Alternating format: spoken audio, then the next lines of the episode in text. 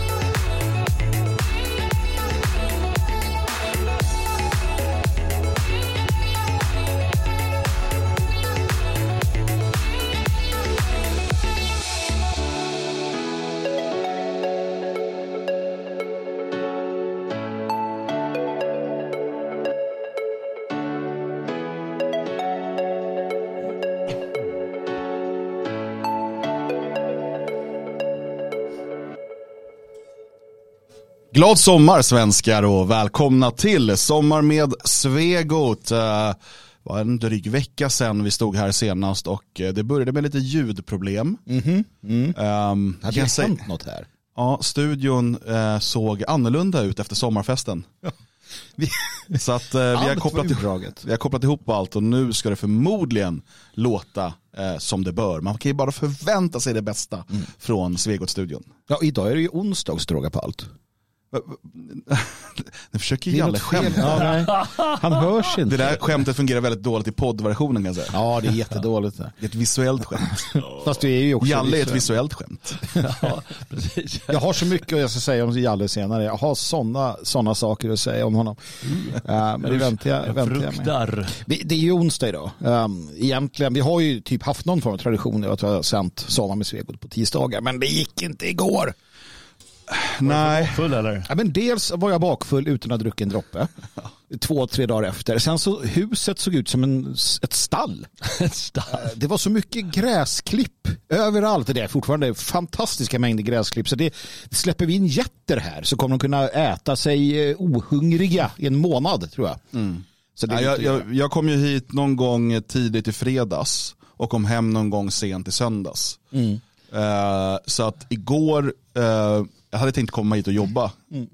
I, nej, i förrgår. Mm. I måndags. Men bara nej. nej. Jag måste ta en dag hemma. För att det, det var som att kroppen, det, alltså det kändes som att jag hade sprungit ett maraton och sen kört, jag vet inte, DFS styrkeutmaning på mm. det. Mm.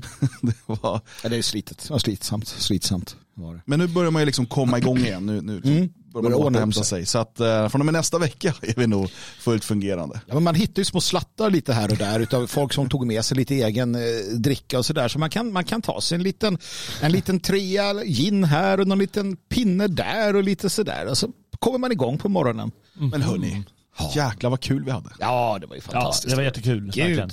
Herregud. Det är all, äh, Vissa saker kan man inte styra över, vädret. Eh, så att en del saker fick vi förlägga inomhus, eh, scengrejer och sånt. Eh, men det blev ganska bra ändå. Sen, sen lättade det upp där på dagen så vi kunde köra femkamp och mm. styrketävlingar och man kunde hänga utomhus och sådär vid, vid grillarna och, och allt sånt. Mm. Ehm, så att det, ehm, det liksom flöt på. Och sen hade vi ju fyra, vi hade fem olika musiker. Ja. En folkmusikant som spelade som eh, spelade nyckelharpa och så fyra olika trubadurer som höll på fram till, jag tror två, mm. något sånt. Um, det var kul. Ja, men jag tyckte det var lite som vanligt någonstans. Så, att, så kände jag, jag kände viss oro. Ja, det gör jag alltid.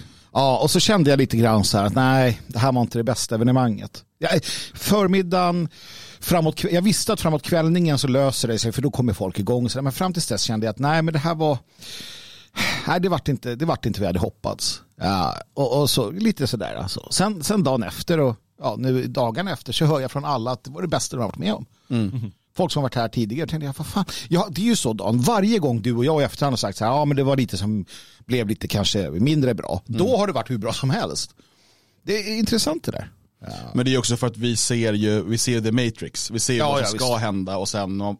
får vi ta, nej men, alltså, men det blir ju bra. Det händer saker hela tiden och förhoppningsvis redan senare idag kommer vi kunna publicera en riktigt schysst film ifrån sommarfesten. Ja. Mm. Den håller på, liksom, det läggs de sista guldvantarna på mm. den just nu. Jag har ju varit väldigt tydlig med att han eh, han måste framställa mig i den bästa dager. Så det är ju en hel del redigeringsarbete. var det så illa? Nej då, det var nog helt lugnt. Men det var ju fantastiskt kul. Jag vet, man nämner här då femkampen. Och, uh, vi hade ju då uh, femkampen som jag, medan den pågick då höll jag på att göra ordning styrkeutmaningen. Så jag såg inte femkampen, men jag hörde.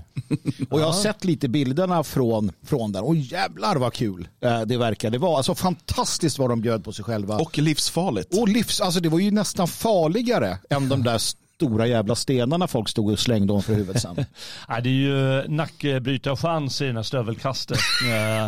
det är ju alltid en fara. Ja, jo. Ja, jag vet inte om det var någon, var det någon som strök med eller?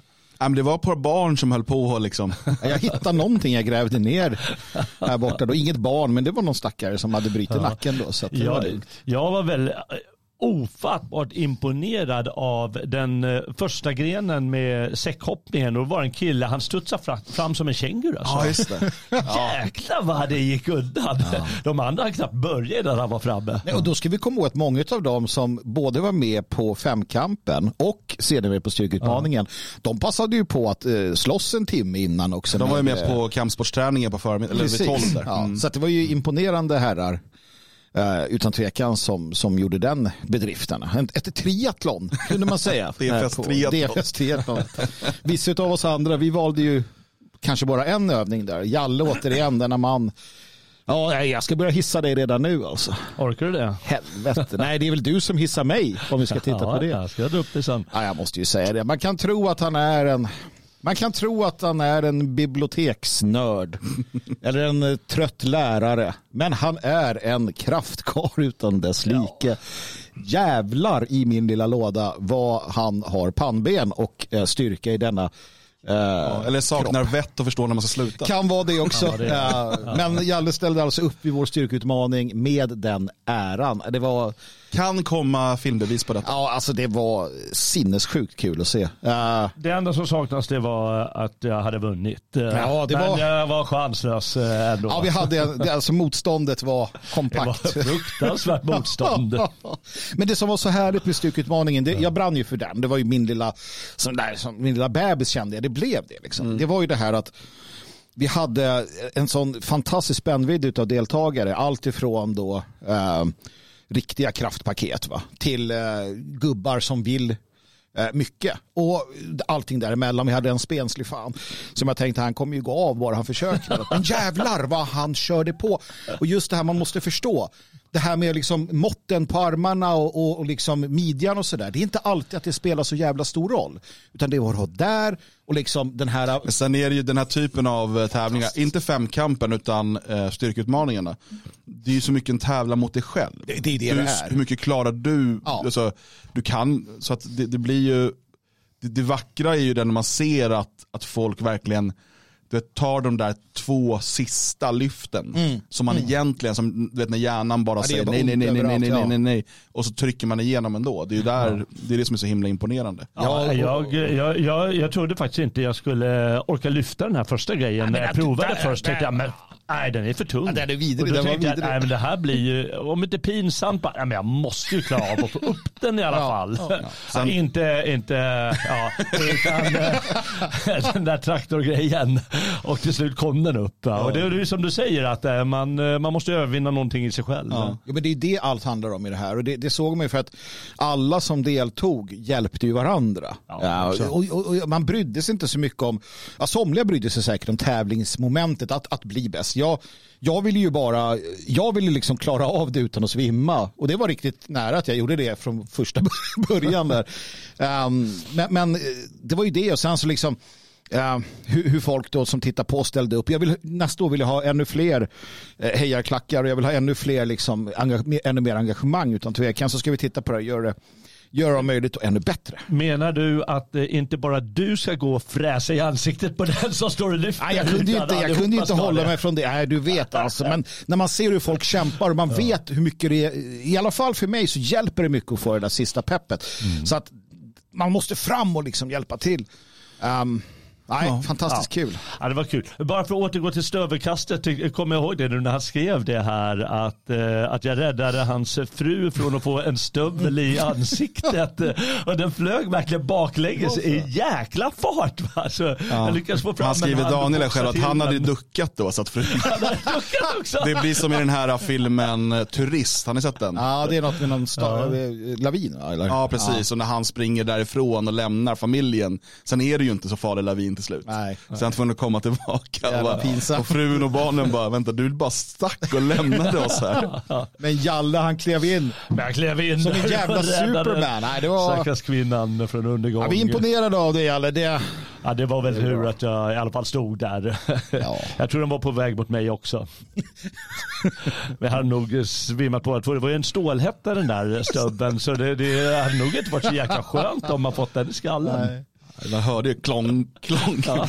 Det ska vara lite, lite fara, annars det? är det inte lika kul. Jag tänkte på det faktiskt fara när folk lyfte den här stenen. Jag, mm. jag också alltså, ska han verkligen lyfta den en gång till, ö, böja sig bakåt mm. och dra den över huvudet? Det är liksom 50 chans att den slinker från handen så rakt i trynet på honom. Grabben min var nära och slint, slintade på någon av de sista. Jag såg att det liksom, man var ju beredd att säga jävlar, får den i plytet, det gjort ont. Men vi alla överlevde. Det gjorde vi. Det gjorde vi. Eh, och det var kul. Ja, ja. Eh, har det hänt något annat sen sist?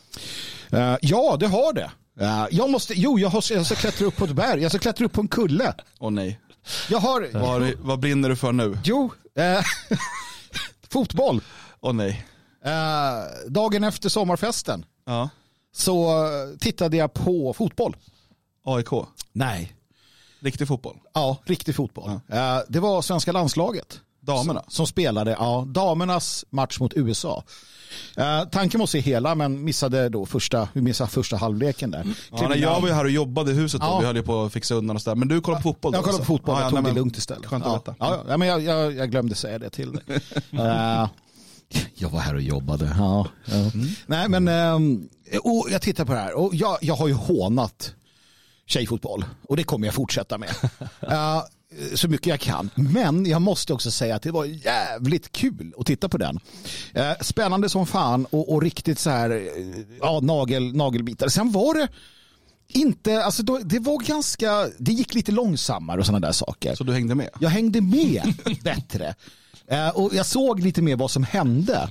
Men det var fan kul att se och vårt landslag Alltså så många vita, vackra kvinnor, i alla fall så, eh, var det länge sedan man såg i ett sammanhang. Jämfört med hur det ser ut när man tittar på, ja, du nämnde AIK, mm. andra lag man ser i allsvenskan och sådär. Eh, kanske lite bättre när man sätter samman landslaget. Men jag menar, det var ju, en, det var ju, det var ju, som, en, det var ju som att Waffen SS var ute och marscherade på planen. Men Långa, jag... blonda, liksom, snygga tjejer som, som gav fan med allt. Så att det var skitkul att se. Det, det trodde jag inte. Jag tror att det är mycket gubben i det som pratar nu. Att det är unga tjejer som springer runt. Och sådär. Det, det är mycket det. Men det finns, finns, det finns ju lite det här, ungefär som att kolla på tv-pucken i ishockey. Mm -hmm. Eh, då är det ju 15-åringar som spelar. Mm. Och det går ju inte alls lika snabbt, men det är jävla mycket hjärta och mycket mm. vilja och sådär. Eh, och det kan vara kul att kolla på på det sättet. Sen kommer de aldrig nå upp i samma tekniska nivå mm. eller samma hastighet eller sådär. Men, men det finns ju någon charm i det. Um, men, så att, ja, men och sen få se den där rosahåriga feministkärringen från USA missa straffen på slutet. Det var ju också... det, är ju lite att de ska vara så jäkla politiska damfotbollsspelarna. Ja. De är väldigt ja, mycket det, det här med hbtq sådär. och sådär. Men om man bara skiter i det, man tittar på det visuella och så liksom, ja men ser när de springer runt där och så man, man, kan ju också tänk, man kan ju glömma det faktum att hälften av dem liksom ligger med varandra i ja. halvtid, halvtidsvila. Eller så tänker man på det. ja, men de tror att de är flator. Ja. Liksom. Nej, men jag, jag måste säga att det är ett stort lyft i svensk damfotboll. För jag tyckte det var riktigt söta pinglor. Eh, gubb, många av dem. Och jag ska inte säga att de spelar ju bra mycket bättre än på 80-talet. Det får man ändå säga. Så är det. De, de kan, eh, målisarna kan ju fortfarande inte hoppa särskilt högt. Nej, precis. Skjut högt så blir det mål. Men... men det, varför det, av, det här var en fråga jag ställde mig. Varför avslutas allt med att de ramlar? Det var som, det var som, alltså, det var som, som bowling. Det kanske var halt. Nej, men om, du, om de sprang med en boll, passa, ramla. Fånga en boll, passa, ramla. Allt avslutades med att någon ramlade. Ja, det, är, det är väl det som är de bra fotbollsspelarna, de står ju på benen. Det hände ju, jag menar, gammal engelsk fotboll tycker man låg väl mest ner på 80-talet också. Mm, mm, Men de är så duktiga, de står på benen och de gör ju mål sen. Men de gnällde inte lika mycket som killarna när de ramlade omkull i alla fall. Nej. Det var väldigt sällan de så här, åh, aj, ja, Det finns oh. ju faktiskt en uh, möjlighet att de flesta av har fler manliga könshormoner än så kallat manliga fotbollsspelare. man, man bör då kolla på det här med damfotbollen och kolla om det är någon typ av groomingprojekt alltså. Ja, eh, för att det som till exempel från hockeyn som hon Reideborn berättade om liksom hur alla de här, äh, för de, det är liksom sexdraman i omklädningsrummen mm. och, och duscharna och eh, du vet när unga tjejer tas in i det där. Mm. Alltså, det, det, finns något obehagligt. Ja, det gör det. Ställ dig bara tvärtom att det skulle vara i herrfotbollen där typ hälften vore bögar och mm. det, är mm. liksom, det är bara interna sexdraman mellan olika spelare. Och så ska det in unga pojkar i det där. Då hade vi reagerat. Ja, ja, men bara för att det är flickor så tänker vi så här, ja, men, åh, då är det bara lite lesbiskt. Det har jag ju på startskärmen. Liksom. Jag tänker jag, jag vet inte vad folk tänker. Jag vill inte berätta vad du har på startskärmen, men det var tydligen det som dök upp. Ska jag visa? Ja, har, ska du visa lesbis på startskärmen? Jag har, en, jag har en blomma på startskärmen. Jaha, men det var ju den där. Det, där är ju, jag tänkte på firmaluren. ved och pörr. Uh, nej, men i alla fall, det var kul att se. Uh, Oh, jag noterade också att man inte längre kallar det för damfotboll. nej, man får inte säga det. Nej, man säger fotboll. Ja, nu, här, nu är det fotbolls-VM. Ja, bara, det kan, för jag, när jag hörde det så, nej det kan det inte vara. Det kan inte vara fotbolls-VM hörni. Men det var det. nu, nu, hurrar vi för Sverige fram till finalen. Då vi hejar på Asavare och Musovic och vad de hette. Ja, men hon var duktig, Muskovicen i, i målet där. Fan vad hon fångar saker. Milo, Milos, Milosevic. Milosevic. Vi kallar den för Milosevic. Musovic. Ja, på tal om ingenting. Eh, den serbiska, den, den bosniakiska Musovic. Eh, på tal om ingenting, va? jag bara noterade en kommentar i chatten som jag tycker var rolig. Vad tycker du om min frisyr idag? Du ser jävligt arisk ut idag. Jag ser arisk ut. Ja, rolig, rolig. Jag ska... Ser ut som en tjejfotbollsspelare. Hade det inte varit för skägget hade vi trott att du var lesbisk. Helvete, någon vill att jag ska prata gammal skåpmat. Jävlar. Ja, chatt från Johannes där. Varför gick Magnus ur motståndsrörelsen? Och det är 20 år sedan. Det var för att han ville se på damfotboll. Ja, jag ville se på, vi fick inte se damfotboll. kan läsa Hell Seger. Ja, där finns en liten sammanfattning. Ja. Svår att få tag på, jag har ett ex. tror den finns på Amazon. Ja, men det gör den säkert. Där finns det en, en liten utvikning, alltså en, i text. Inga andra utvikningar.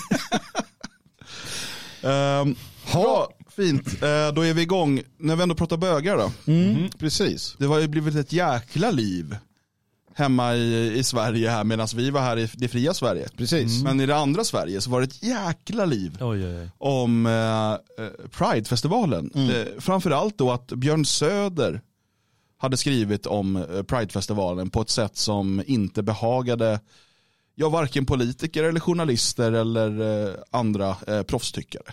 Mm. Vad var det han hade skrivit egentligen? Han verkar ha tagit bort det här meddelandet nu.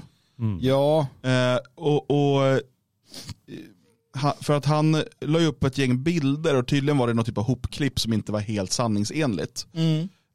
Um, för någon av dem kom från en porrsajt och någon av dem kom från en Pride-festival och någon, du vet. Mm.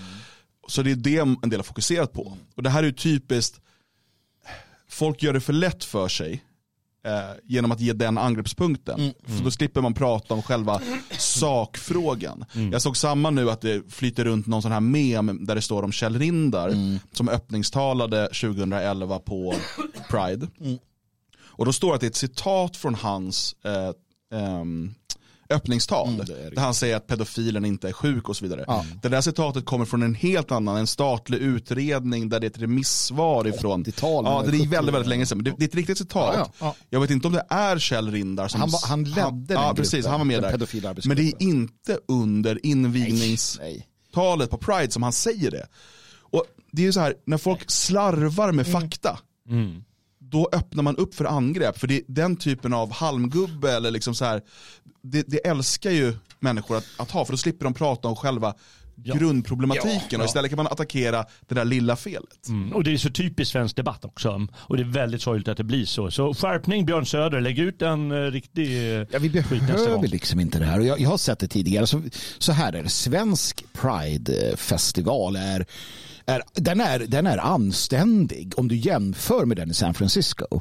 I San Francisco så går de och hänger ut könsorganen, de tar på varandra, det är liksom, man idkar, idkar samlag öppet och så vidare. Så mm. det, det är en helt annan sak. I Sverige är den, ja, den är anständig jämförelsevis också med Sydamerika och andra ställen där de har väldigt där de har andra typer av lagstiftning. I Sverige kan du de facto inte göra väldigt mycket av det de gör. Jag tror ju att de i Stockholm Pride gärna vill hänga fram könen mm. till höger och vänster, men det får man de facto inte göra. Va? Det finns, de, de skulle få problem och de förstår det, uh, att man inte gör så. Sen kan det nog dyka upp ett kön här eller där. Va? Jag, har, jag har varit på Pride. Um, uh, ja. Nej, fortsätt till det var okommenterat. Ja, det där tycker jag. Eh, men eh, däremot så, de som angriper tillbaka och, och säger, sett flera rubriker. Jag, jag förstår inte varför Björn Söder tycker att Pride har med sex att göra.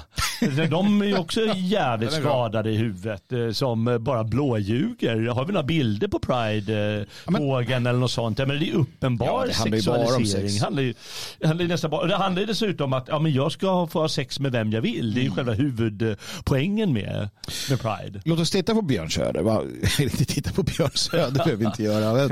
Men vi kan titta på vad han skrev i alla fall. Och, och bland annat då så twittrade han ut att att Anders eh, An, Andreas Ostgote talmannen. Norlén. ja, ja. Och statsministern då, att de, han skriver att det är skrämmande att talman och statsminister legitimerar pedofili. Det är helt mm. oacceptabelt. Och det är väl det då man vänder sig emot. Saken är ju den um, att, alltså att, att pedofili att, uh, att, att uh, alltså pedofili eller hebefili alternativt då den här försöken att få ner Eh, Eh, att få ner åldersgränserna för, sexuellt, eh, för sexuellt, liksom, sexuella aktiviteter. Att som Richard Wolff eh, sjunga om att han vill ligga med vackra pojkar. Att, att Jonas Gardell hyllar det faktum att han var manligt prostituerad på Klara Norra eller Klara Södra där han liksom sög av gamla män för pengar som han skriver om och att det var så fint och hur man inom den här bögrörelsen inviger unga pojkar till det här och att det pratar man öppet om. Att det är en pedofil rörelse. Det är ju glasklart. Problemet, och det som är så intressant, och det vet alla, jag tror att alla vet det, jag tror att man förstår det. Eh, men man blundar för och det gör talmannen och det gör statsministern mm. och det gör, det gör hävdar jag också Sverigedemokraterna i allt väsentligt. Eh, Jimmy Åkesson som jättegärna vill gå på Pride och man liksom står upp för, för det här. Um, så här men, är det men, jättebra att Björn Söder säger ja, så här. Mm. Fast jag vet inte, det, det, är ju också klantigt formulerat av Björn Söder. Han ger liksom ingen kontext. Nej, nej. Utan bara de legitimerar pedofili. Då hade man ju behövt, och jag, jag tror att det där är något han skriver i, uh, i affekt. Mm. Och då blir det, alltså det blir otydligt, då är det lätt att angripa. Hade han istället då, ja men nu kommer tio punkter om varför um, liksom Pride-rörelsen legitimerar pedofili och mm. sen mm. det är oacceptabelt att talmannen och statsministern är där och ger, skänker legitimitet åt ett sånt evenemang. Mm. Då är man på en helt annan plats.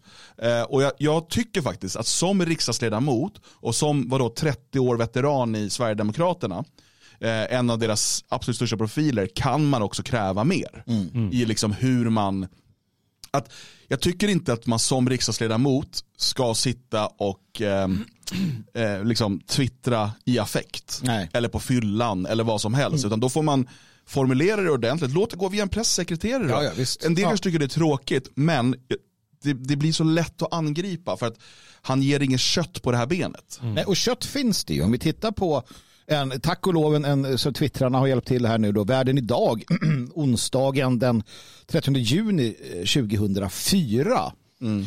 Uh, där lyfter man då en, en uh, den här frågan under rubriken pedofili vanligt bland homosexuella. Och jag tänker att det är viktigt att vi kanske sätter det här i kontext. Jag har precis stått och sagt att uh, liksom homo, homogänget är en pedofil i allt väsentligt eller på många sätt en pedofilgrupp. Det, det, det, kan ju vara bra då att jag har lite kött på benen.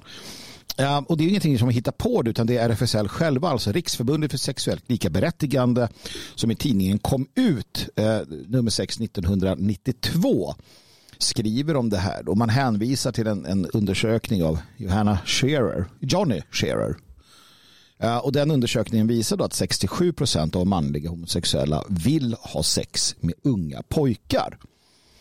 Um, och, och, det här är ju undersökningar, det återkommer till den här typen av undersökningar när de väl görs återkommer till exakt samma sak hela tiden. Mm. Majoriteten av homosexuella män vill ha sex med väldigt unga pojkar. Mm.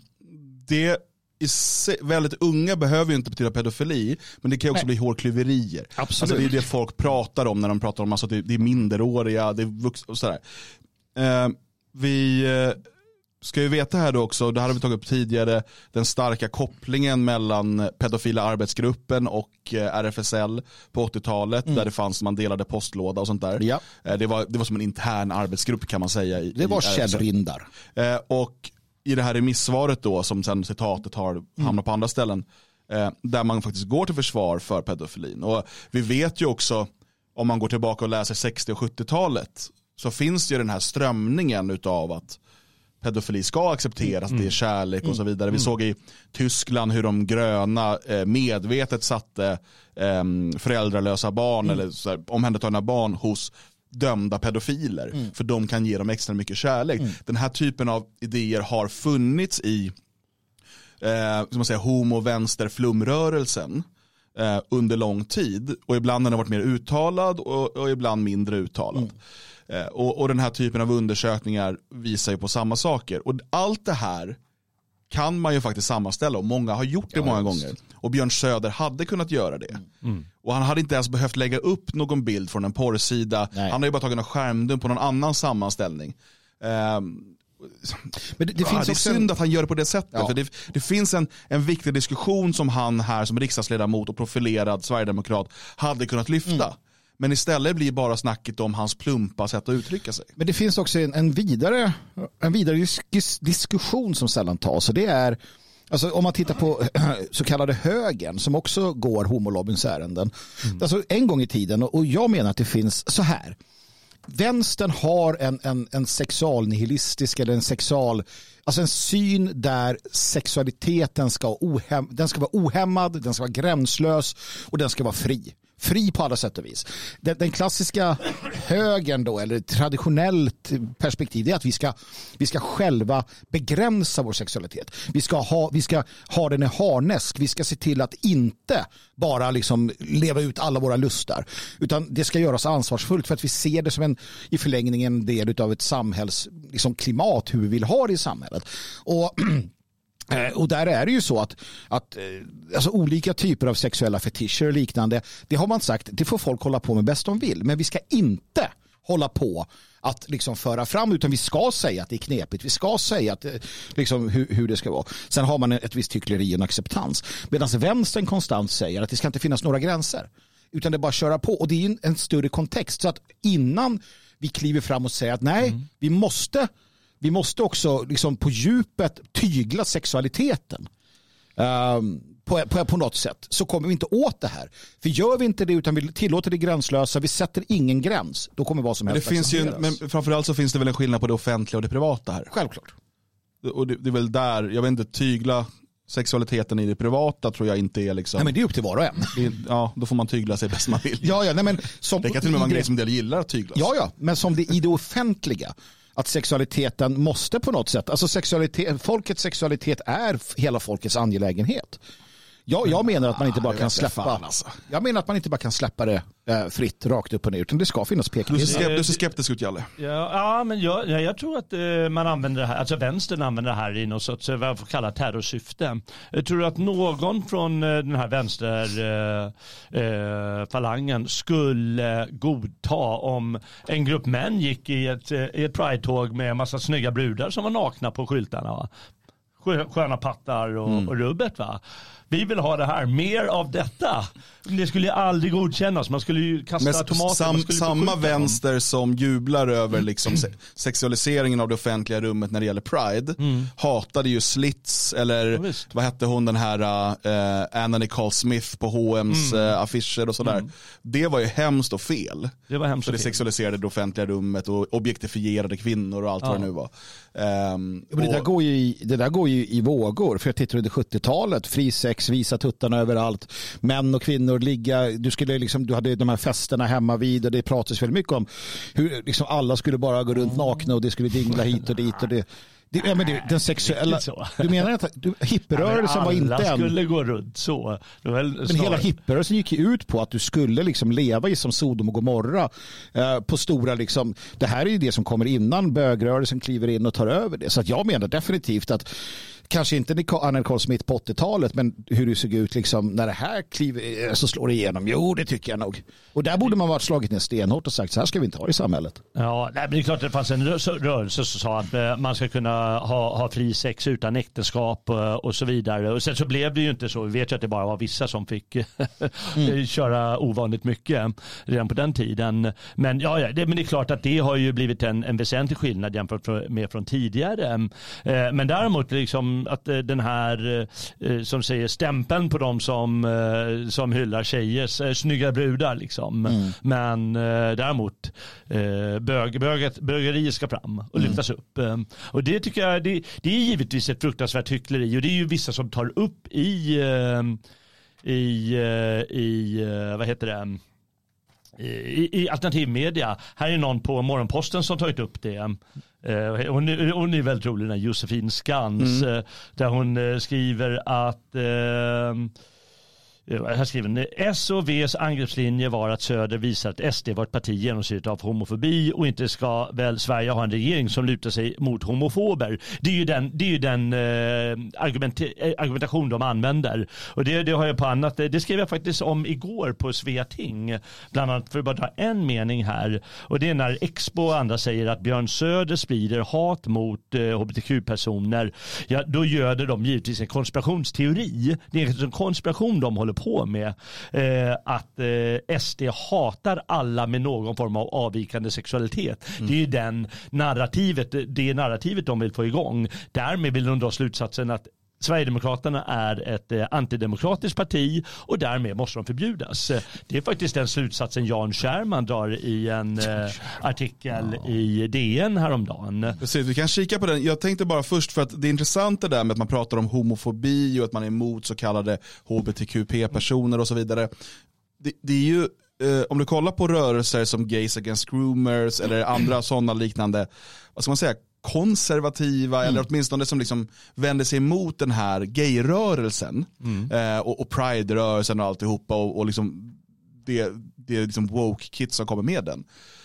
Homosexuella eller andra som tillhör de här sexuella minoriteterna då, eh, som vänder sig emot den, de anklagas ju också för att vara homofober, hbtq-hatare mm. och så mm. vidare.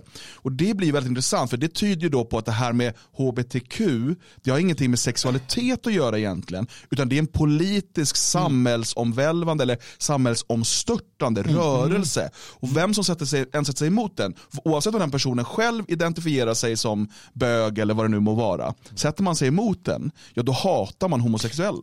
Ser man också att, och det tycker jag är fantastiskt, vi har pratat tidigare om hur vänstern då, hur de tar liksom, är du handikappad då är du vänster, för då, och, och så handikappade de och alla är med i den här gruppen.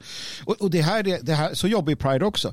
Du kan, alltså, Alltså, bara för att någon, och jag har ju sett nu, de hade så här att ja, men BDSM-utövare. Alltså, bara för att du är BDSM-utövare så betyder det inte att du är en del av Pride-rörelsen. Fotfetischer, ja men de ska vara här. Alla fetischer måste gå under samma eh, paraply. Som att människor, alltså, är det så att ja, om man gillar, vad heter det då? Uh, om, du, om du gillar helt vanligt vaniljsex, då, då, är du, då, är, då är du problematisk fascist. Men alla andra utöver det, de måste vara med i Pride-rörelsen. Mm. Så är det någon så här, men jag gillar liksom det här, då bara, ja men då är du en del av det här. Nej det är jag så fan heller. Mm. Ja, men stackars fotfetischerna, du vet, de bara, vi vill bara ha våra fötter. Eller vi vill bara ha vårt BDSM och då tar det. de Det är inte lätt för er just nu, men det där kommer... Ja men det är inte lätt för oss. Men, men eh, min poäng är ju att, det, det, som du var inne där, att det, eh, hbtq har blivit en politisk rörelse i vår tid. Mm. Alltså de, de som var hardcore, om jag inte har helt fel, hardcore vänster då på, eh, med 68-rörelsen tidigare, 60 de ansåg ju sånt som degenererat, eh, mm. mm. homosexuell eh, verksamhet. Mm. Och hon, den här Skans hon tar just upp det att under, under 30-talet, eh, och då, då är liksom inte det här argumentet att sossarna är de riktiga nazisterna, utan då var det så att den vänstern i Tyskland, kommunisterna och socialdemokraterna, när de gick ut på gatorna, då var de ute efter att måla upp nazisterna som bögar. Mm, ja, ja, visst, till exempel Ernst Röhm var, var homosexuell och så. Och till och med vad skriver och citerar Maxim Gorki, han som är liksom själva ja. idolen bland alla författare som håller på med vänstern. Utplånad av homosexuella och fascismen kommer att försvinna. Ja. Liksom ett slagord från honom. Och så höll de på. Mm. Men det där skiter ju givetvis vänstern i, för de är inte intresserade Nej, av inte... att, äh, att aha, hur, hur höll vi på förr, vad sa vi då? Utan det handlar, handlar bara om ett slagträ ja. för att, klå till, att slå till mot människor. Och det är det jag menar att det är en terror. Eh, det, det är ett sorts terrorangrepp att som du sa, alla ska tvingas in i det där jävla pride-tåget. Alla ska, ja men lö, släpp lös din sexualitet fullständigt. Ja, precis, du vad du har där bak, hörru du. Ja. Och så. Och det är det som är så vidrigt. Det används som ett politiskt ja. verktyg för att göra att folk mår dåligt. De kapar sexualiteten och gör den till sin. Men eh, nej, det är kul det du säger. Jag har, en, en eh, jag har två så läromedel från KFMLR Mm. Tror jag var innan KPMLR. Ja. Där Frank Både är väldigt tydlig. Där de homosexuella, det är ett avskräde. Det är ett borgerligt, liksom, det är ett borgerligt träck som ska liksom utrotas, alltså rent fysiskt. Så var du alltså marxist eh, på 70-talet, då hatade du homosexuella. Mm. I alla fall i, i hans ja. gäng ja. då. Ja. Eh, det som är han lämnade ju sedermera sitt eget parti som han grundade för att de blev för bögiga och feministiska. Stackars både dog utan partitillhörighet. Men det, det var så de var. De ville inte ha liksom, sådana där. Men, men bara för att gå ett steg längre och se vad den här eh, Jan Scherman eh, säger så, så, menar han i en eh, DN-artikel att när språket devalveras måste du säga nej till dialogens dödgrävare. Och det har ju jävla högtravande det här är.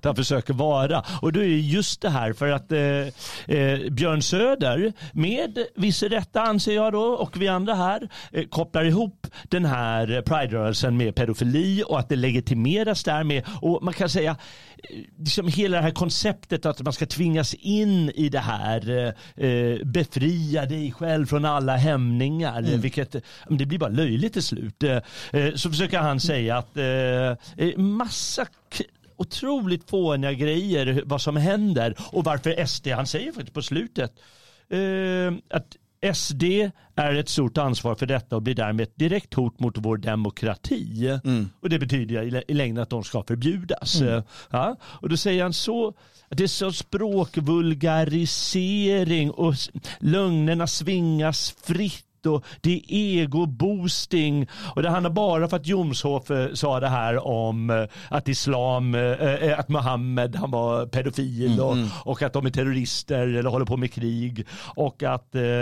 att Björn Söder och så drar de upp det här med att judar och samer inte är svenskar. Det alltid Björn Söder. Drar upp, liksom, de bara drar alltihop ja. och de, de studerar, vadå, det sa jag menar, alla vet ju att vad, Björn Söder sa då, ja. det var att samerna anser att de inte är svenskar och judar judar anser att de inte är svenskar. De är till och med i svensk grundlag skyddade som en egen minoritet ja, just ja. för att de inte är svenskar. Men, det är hela poängen. Jan Scherman svingar ja, men, lögnerna fritt nämligen själva, och säger det på andra i högtravningsord. Det är ju det att själva, själva grunden här det är att när man säger ja. att det är på tok för många pedofiler bland homosexuella då kastar de en kaskad av all skit de kan komma mm. på. Återigen, de, de bara vräker fetischer över den, de vräker samer över den, de vräker judar. Judar dyker upp överallt. Ja. Allting, Allt. romer står där, tack, tack, tack så mycket. För att vi får inte prata om det faktum, det faktum att pedofila tendenser är över, um, överrepresenterade bland homosexuella män och mm. att RFSL som är en, en statligt sponsrad organisation hade och har med största sannolikhet fortfarande pedofila arbetsgrupper. Och man har arbetat länge för att sänka åldern för sexuellt umgänge. För att de männen där som också grips med, mellan, med jämna mellanrum. Vi har haft flera skandaler där de har utnyttjat unga män. Det är för att det är predatorer, åtskilliga, eh, en majoritet, en, eh, på, på tok för många som dras till den gruppen.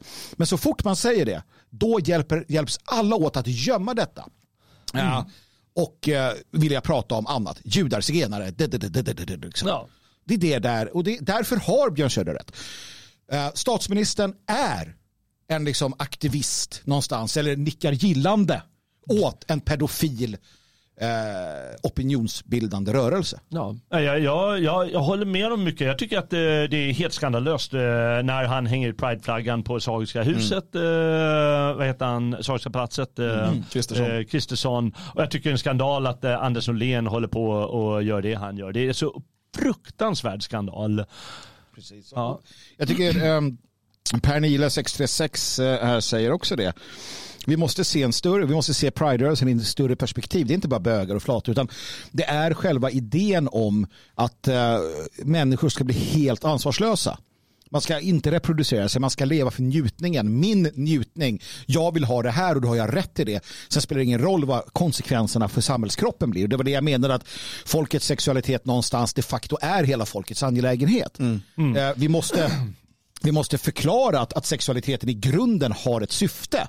Och syftet Precis. kallas reproducering. Mm. Sen om man gör annat däremellan, det ska ingen lägga sig i så länge mm. du inte försöker förmå folket att bli turn the frogs gay, mm. som någon hade sagt. Men, men eh, jag vill återigen säga att vad, vad de vill det är att gömma det här faktumet mm. också med som du sa med pedofili eller en fullständigt hämningslös utsvävande sexualitet och så.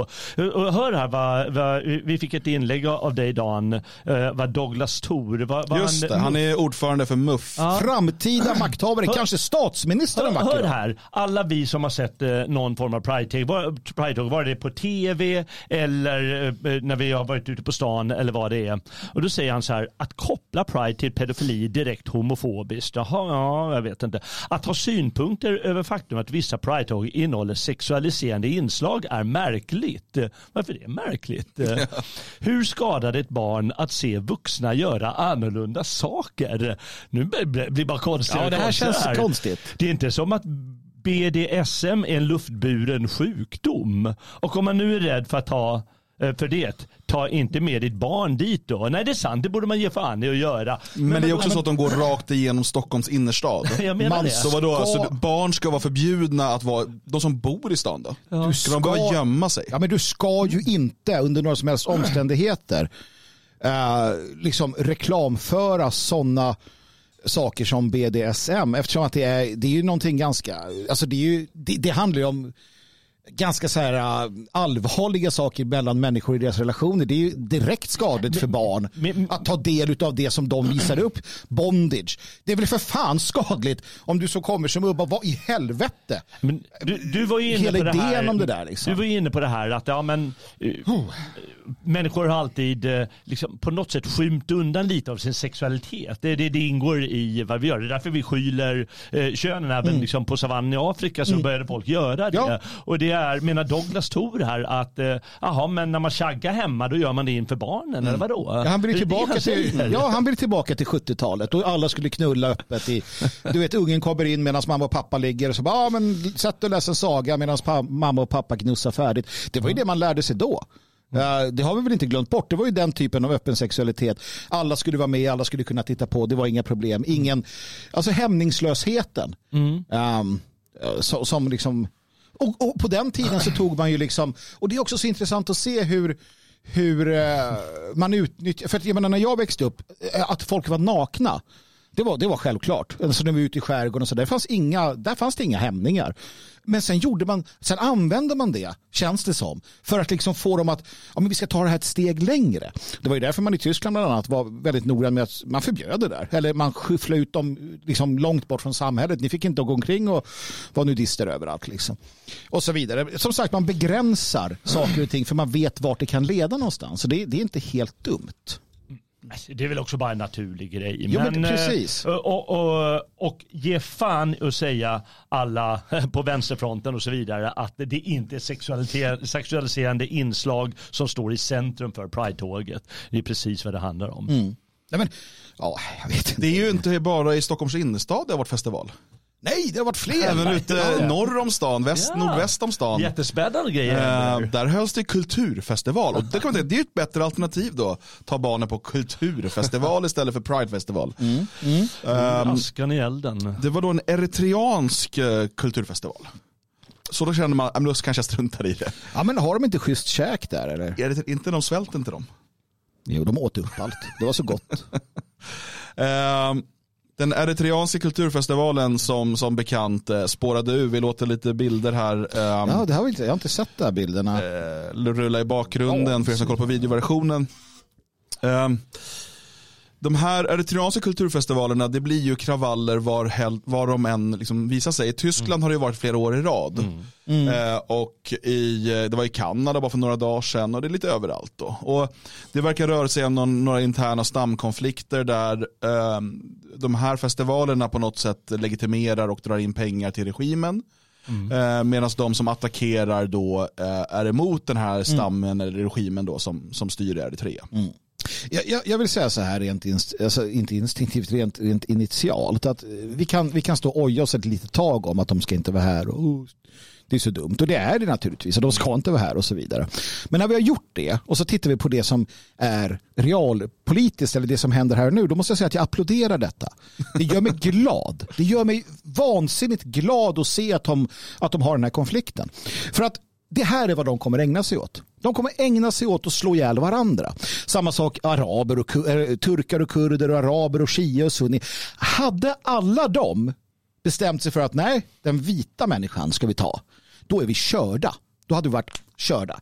Men de här kommer aldrig ena sig. De kommer aldrig klara av att ena sig. Så att när vi, när vi svenskar blir minoritet i Sverige så kommer vi ha fantastiska möjligheter att försvara oss. Vi kommer ha fantastiska möjligheter att kunna göra det vi ska göra. För att de här kommer slå ihjäl varandra. Och det applåderar jag. Så bra jobbat. Fortsätt med interna stamkonflikter i Sverige. Varsågoda.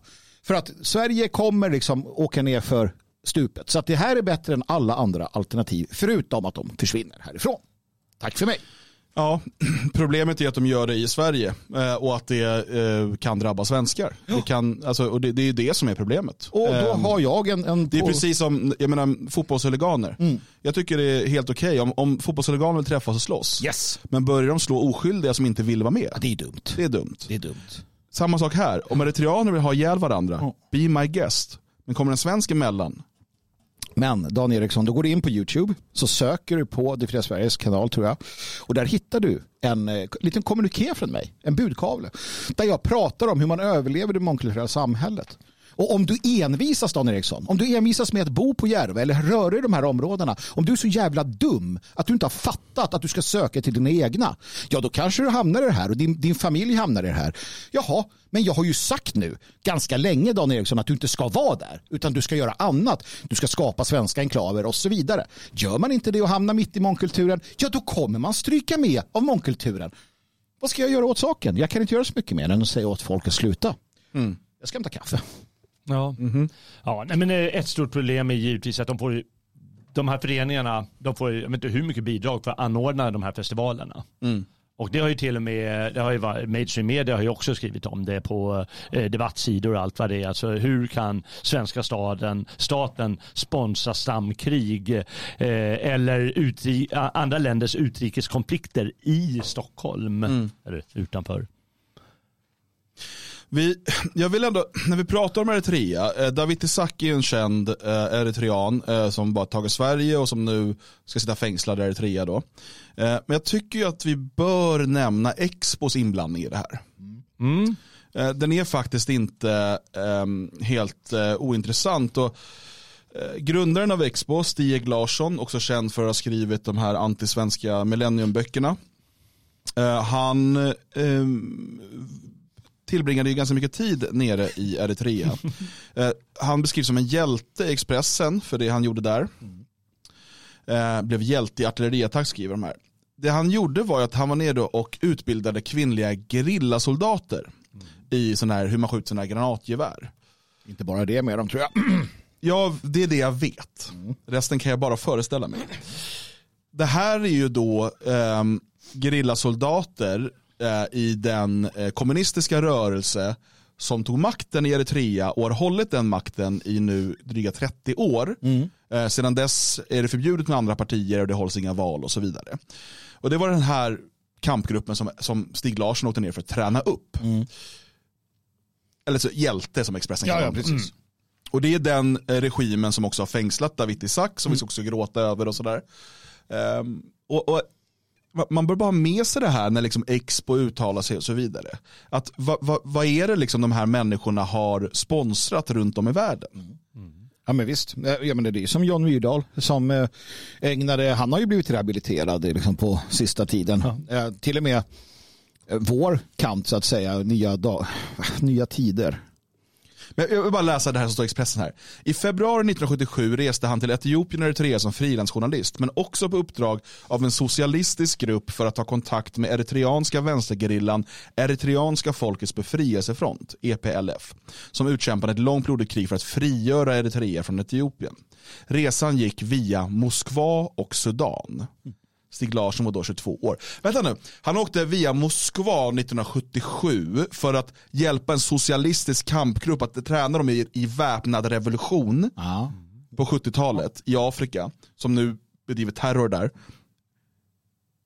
Hur kan Stig Larsson ens, liksom, hur kan det, hans skapelse i Sverige, hur kan det ses som något annat än, alltså hur kan det inte misstänkas vara ett, ett sovjetiskt skapat verk för att förstöra Sverige. Jag vet, jag vet. Berätta. Uh, det de lyckades med var att alla viktiga positioner inom medien besattes utav sovjetiska agenter, utav kommunister, marxister av olika schatteringar.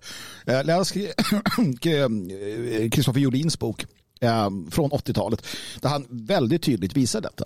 Alltså,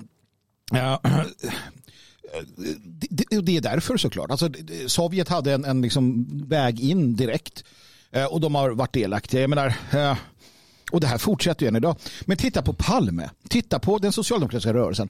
Alltså svensk vänster har sponsrat terrorism. Mm. Um, på, på, alltså, över hela världen. Återigen, John Myrdal hyllar Pol Pot, åker till Indien, åker runt överallt, sponsrar grillor, hjälper till. Man, vi, vi erbjuder militär utbildning. Alltså allt det här konstant hela tiden. Vi har gjort det i alla år och fortsätter idag att mm. göra det med. Ja, nu är det slut med kurderna snart där, men i alla fall. Mm. Jag, jag tycker det är... Eh, för att bara ta en, en helt annan ståndpunkt, det tycker jag är väldigt sorgligt. Det är tråkigt att det har blivit sådär att det hyllas i Expressen sån där skit och, och vad heter de här två andra? Libby och Shibbe och... Ja, kommer ihåg nu. Han hette. De var också nere och höll till Persson med kommunister, Persson, ja, mm. kommunistgerillan och så vidare. Men eh, för mig är det, det är alldeles utmärkt att de är så här krigsromantiker åker till krigshärdar för de vill, de, ja men jag vill också vara med och kriga lite. Mm. Ja, det är väl inget fel på det. Men eh, det hör ju hemma i ett reportage i, i FIB-aktuellt eller något sånt. Mm. Och inte i Expressen ja, eller på, på SVT eller var de, var de har det. Då är det lite krigsromantik på, på riktigt sätt. Ja, men, så här ska det ju vara. Aftonbladet ska ju hylla det där. Expressen ska ju vara väldigt skeptisk och tycka att det här är inget bra för att vi är ett högertid. Jag hade tänkt att vi skulle ha så olika ja, sidor och i SVT, de ska göra en, en dokumentär där man säger ja så här tänker han. Det, jag hade, det hade jag mm. gått med på. Jag hade tyckt om det. Men som du säger, Expressen som är en så oberoende liberal, de bara vi hyllar samma som ni. Alltså det är så meningslöst allting. Va? Mm. Så meningslöst. Ja, det tyder ju lite som du säger att de, de har ju besatt eh, på något ja, vänster ja, eh, eh de här chefredaktörsposterna. det känns ju inte helt omöjligt. I Sverige fick vi aldrig veta eh, till exempel Stasi-registren. Nej, brändes. Eh, man vägrade ju publicera det. I, I, Tyskland har man gjort öppet vilka som mm. arbetade för Stasi och sådär. Mm. I Sverige förbjöds det att man fick inte kolla på det. Det var en journalist tror jag mm. som fick kolla på det och som har sagt typ så här, ja, men det där är, skulle det här komma ut så skulle det förändra liksom hela Sverige. Ja, och då kommer det inte ja. ut. Nej. Eh, för att vi, vi kan bara förutsätta, inte minst med tanke på den resrutten men också så som han var engagerad då, att han var en sovjetisk agent. Att han var betald av kommunisterna mm, ja. i öst. Eh, och detta borde ju då i någon typ av eh, vad ska man säga, i liksom stringensens namn nämnas varje gång media nämner Expo. Mm. Mm. Det borde det. Absolut. Men, men det, tvärtom tas det aldrig upp. Det är den demokratiska mm. tidskriften. Ja. Men det är för att de som nämner det är just eh, en del av dem som, som vet att det här är propaganda. Mm. Eh, jag menar, IB-affären, att sossarna, eh, att sossarna hade den kontrollen och försökte över kommunisterna i Sverige, det var ju inte ett vakuum. De visste ju att den extrema vänsterrörelsen var finansierad av Moskva mm. eller olika delar av, av liksom Moskva patriarkatet. Ja. Eh, och därför, för att det kan man säga, socialdemokratin eh, är vad socialdemokratin är. Det är en maktfaktor i sig själv. De var inte Sovjettrogna. Eh, de gjorde det de behövde göra. Och att slå ner på vänstergrupper, det är en paradgren för socialdemokratin. Mm. Och har alltid varit, eller samarbeta med när det behövs. Så att man hade IB, att man hade det här, det är ju för att man visste hur jävla illa det var ställt. Samma sak de högergrupper som fanns inom polisen och militären och liknande. Um, du hade Stay Behind-rörelser som, som samarbetade med CIA av samma skäl, gamla nationalsocialister som samarbetade med CIA. Det är ju för att man visste hur jävla illa det var. Mm. Och att kriget, inbördeskriget som vi hade sett i Finland då, ett gäng år tidigare, det stod för dörren konstant. Väpnade grupper, smuggling, vapen ni vet, kriminalitet och så vidare och så vidare mellan de här blocken.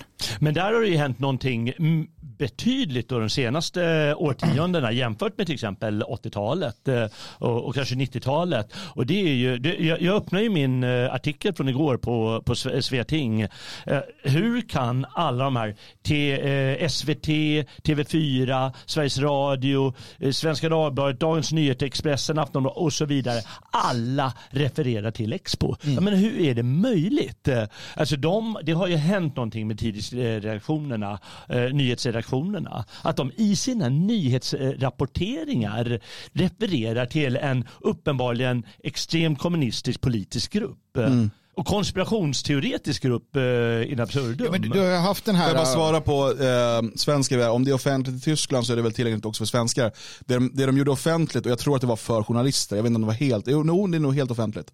Det, gjorde, alltså det gällde ju då tyska medborgare. Mm. mm. Ja. Eh, sen fick ju varje land ta beslut själva och Sverige mm. valde att inte offentliggöra ja.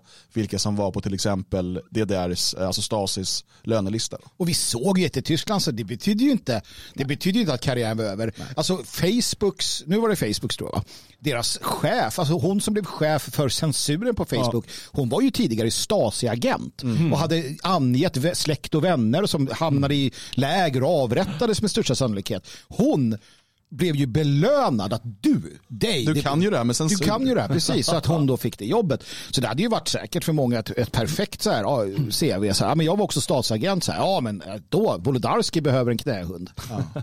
Men det vi såg här då med de här eritreanerna som, som löpte amok eh, mm. på Järvafältet nu och vi har sett det i många eh, länder runt om i världen där eritreaner har haft den här kulturfestivalen. Um, det, för mig är det, det är en sån sak vi kommer se mycket mer av, de här interna stridigheterna. Och vi kommer få se områden som eh, liksom domineras av vissa klaner eller stammar eller så som, som kontrollerar det. Precis som det är i alla de andra mångetniska, mångkulturella länderna i Mellanöstern mm. och, och, i Afrika och sådär. Och ett exempel på det som, som man kan titta på det är ju i Borlänge och hur mm. somalierna arbetar där. Mm. Vi har tidigare pratat om den här kvinnan eh, ifrån eh, Göteborg, somaliska kvinnan som kom in bara på personröster då. Men i Borlänge och framförallt då i området Tjärna Ängar så har ju somalierna en, en, väldigt, de är en väldigt stor grupp.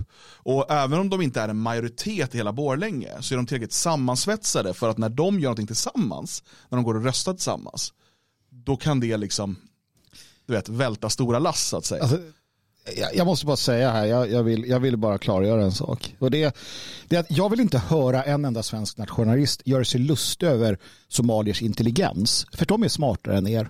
Uppenbarligen. De är mm. smartare än varenda svensk nationalist. För svenska nationalister vill vara öar. Mm. De vill vara där de är.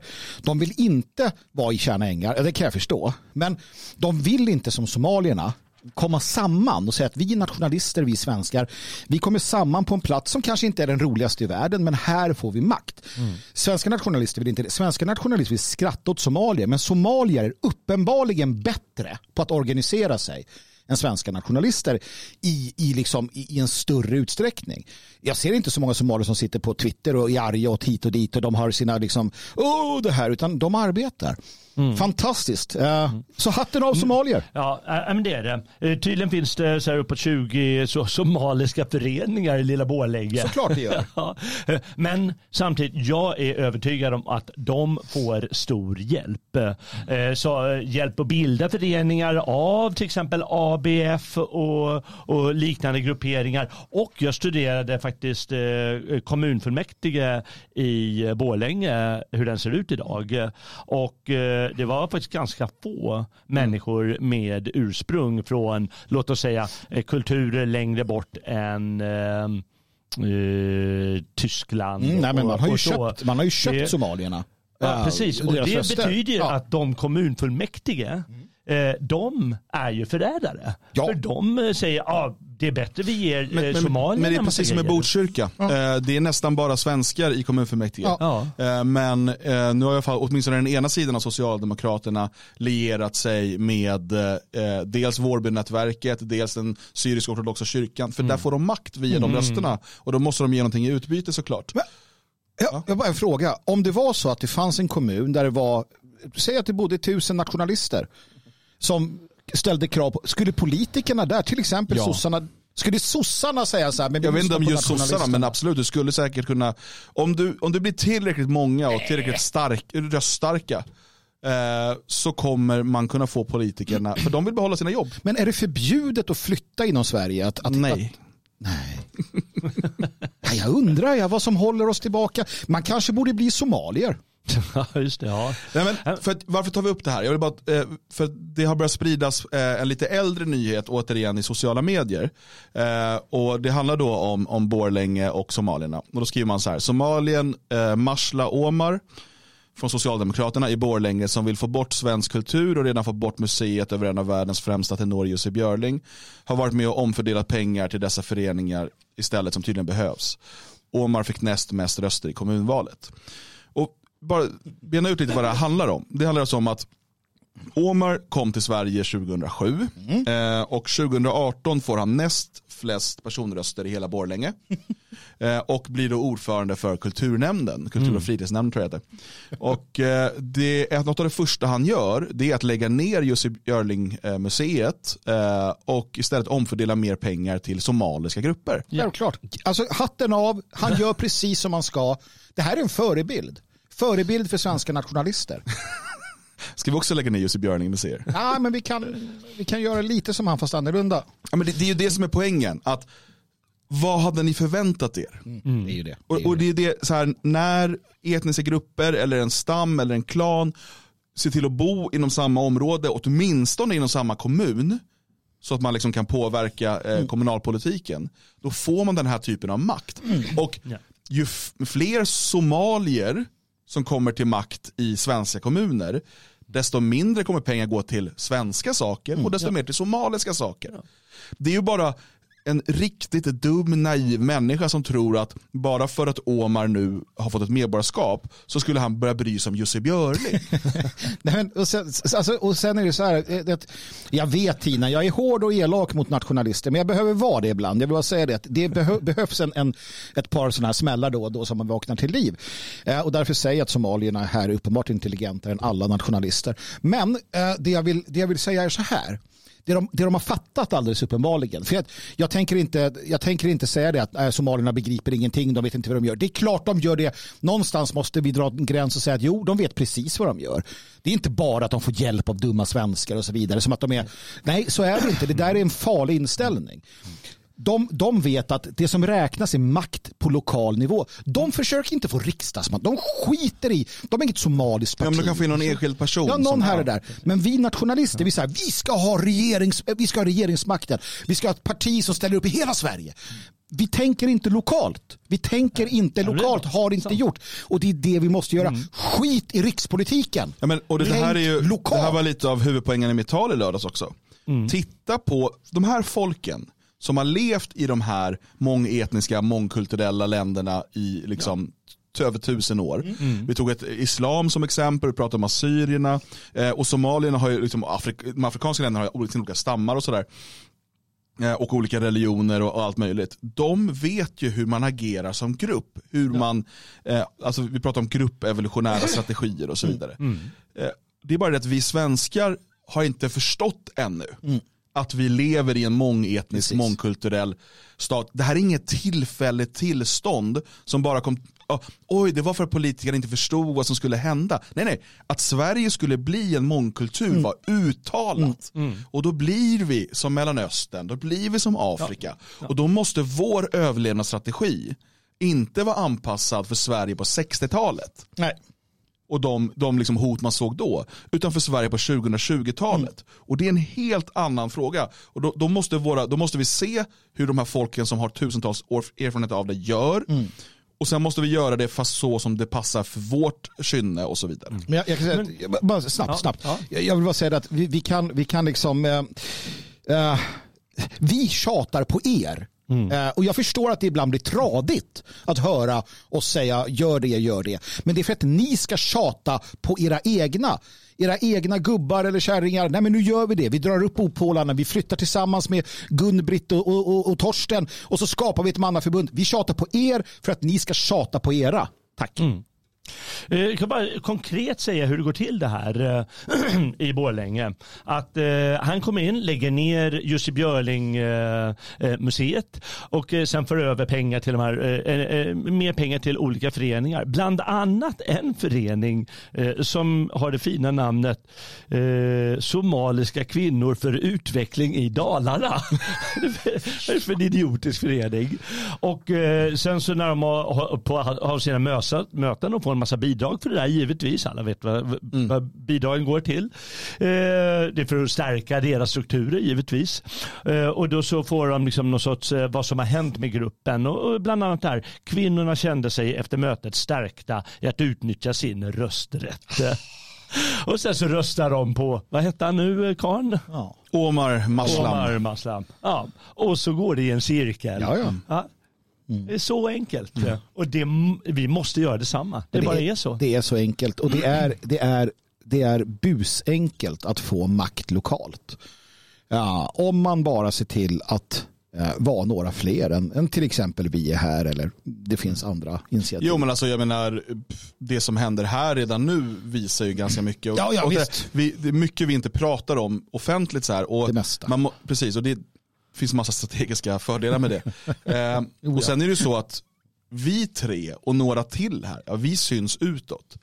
Det är inte meningen att resten ska synas utåt Nej. på det sätt vi gör. De fungerar ju här i samhället. De sitter i, mm. kanske redan sitter i kommunfullmäktige. De kanske, eh, kanske jobbar för den lokala polisen. De kanske det kan finnas lite allt möjligt. Mm. Och de får arbeta vidare där och vi bygger vidare våra nätverk.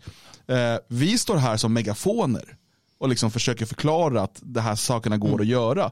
Eh, men det kräver ju att vi alla tar ansvar och, och, och ser vad, vad, eh, vilka strategier som behövs i det här samhället. Alltså jag vill ju inte höra igen som jag hörde när vi lanserade Fria Sverige, att det är omöjligt. Man kan inte ha ett hus. Man kan inte ha den här föreningen. Man, man kan inte få människor att samlas på en ort i Sverige. Jag vill aldrig höra någon säga det igen. Och jag önskar att ni som sa det, några stycken, klär er i säck och aska eh, och, och, och ber om förlåtelse, inte till mig, det skiter jag i, men inför det folk som ni faktiskt då förledde. För att sanningen är den att det går alldeles utmärkt. Det går alldeles utmärkt att agera lokalt, öppet. Och som Dan säger, vi är några få som visar upp oss. Resten behöver inte göra det. Och det är precis så det ska vara. Här eller där ni befinner er, ta makten lokalt, för i helvete. Alltså, alltså, det finns inga ursäkter. Inga mm. undanflykter. Det finns inga giltiga orsaker. Eh, och Det här är ju någonting som vi kommer att diskutera vidare den 30 september eh, här i Svenskarnas hus när vi återigen anordnar fria ord. Succén, succén sedan 2021 eh, och det är då en idékonferens där vi har både eh, kortare föredrag eh, och eh, panelsamtal med eh, sex stycken deltagare plus mig som moderator. Mm. Uh, och um, Det kommer bli en uh, ja, superintressant kväll och vi släppte ju biljetterna till allmänheten här igår om jag inte minns fel. Och de finns nu inne på, det är bara att gå in på detfriasverige.se så är det en stor sån här banner högst upp Eh, och kan man klicka sig vidare och, och eh, anmäla sig. Eh, och det är ju, förutom vi som är här i studion då, så kommer Jonas Nilsson, Henrik Jonasson, Jeff Ahl och Urban Månsson att delta. Och då pratar vi strategier för en mm. svensk framtid. Så att det vill man inte missa. Jag tänker att kanske blir vi motsagda. Kanske ja, det hoppas någon, jag. jag. hoppas också det. Mm. Jag gillar att lära mig saker genom att få veta att jag har haft fel. Men jag tror inte det i den här frågan att jag har haft fel.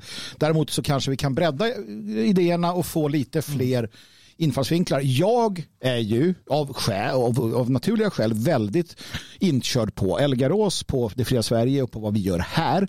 Andra medlemmar i föreningen vet jag gör annat som är absolut minst lika viktigt annorstädes.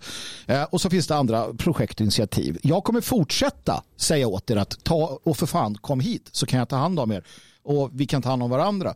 Uh, såklart, annars vore det fel. Men uh, jag är ju fullt medveten om att det finns flera vägar att gå här också. Men i, grunden tror jag att vi alla håller med varandra. Så det blir spännande. Kul som fan att vara med där. Ja, in och boka er eh, på era platser där. På era platser färdiga gå och så vidare. Um, vi har kört så att vi har en liten sån här eh, early bird eh, lösning. Mm. Alltså om man bokar sig eh, innan augusti är slut. Nu tror jag för sig biljetterna kommer slut innan dess. Ja. Men om man bokar sig under augusti så kan man då eh, göra det till rabatterat pris. 195 spänn. Ah, för sex talare och eh, debatter. Och, vi säljer oss för billigt. Vi säljer oss för billigt. Helt gratis. Å andra sidan har vi ett hus och det gör att det är mycket lättare att arrangera saker ja. än när man Det här görs ju att det kan hålla nere priserna så här mycket. Det är ju tack vare att vi har medlemmar och folk som donerar, eh, folk som som jobbar ideellt inte minst. Eh, det var ju, jag tror 15 personer som var här och jobbade i helgen och då har jag inte räknat musiker och sånt utan bara de som var här och lagade mat och bakade och var här och serverade och städade och allt möjligt. Eh, så att eh, allt det här görs ju möjligt tack vare att det finns så många som, som vill hjälpa till på olika mm. sätt. Mm. Ehm, men vi ses eh, den 30 september här i Svenskarnas hus eh, och innan det kommer vi ses här digitalt. Ehm, vi kommer köra vidare med Sommar med Svegot ungefär någon gång i veckan fram till vi drar igång på riktigt med dagens Svegot. Just det. Och det gör vi den 28 augusti. Mm. Alltså om två och en halv vecka ungefär då är det dags att börja sända dagligen igen. Det är och eh, ja, vi har ju pratat lite om vad, vad det blir. Vi ska prata mer om det. Vi hade lite, en liten fiskelina utkastad eh, till er lyssnare och tittare. Vad vill ni se? Eh, har ni förslag på fasta Eh, inslag eller ämnen eller vi har ju haft sånt som eh, tidigare har vi haft liksom det här med tinget och man tog med sig saker och vi har haft lite andra saker. Det har varit lite skämt och det har varit lite allt möjligt. Alltså, genom åren så har vi, vi har till och med haft vett och etikett som ja, stående ja, tema en gång. Att Magnus var med. Magnus var med mest med att ställa frågor. Ja, jag ville veta. Men jag, jag har blivit bättre. Jag börjar få både vett och ett, ja. Ett, ja, vi kanske ska dra igång det igen. Sådär.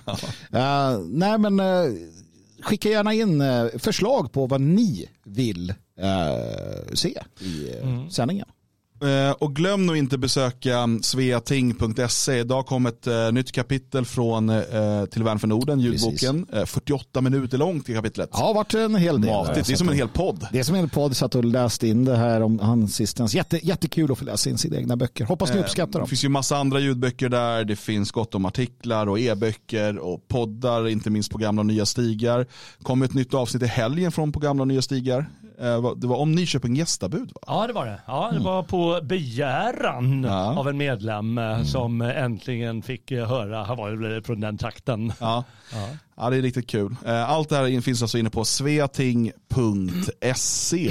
I övrigt får vi väl bara önska er alla en fortsatt fin onsdag. Det gör vi. Så syns och hörs vi senast nästa vecka igen. Tjo, tjo.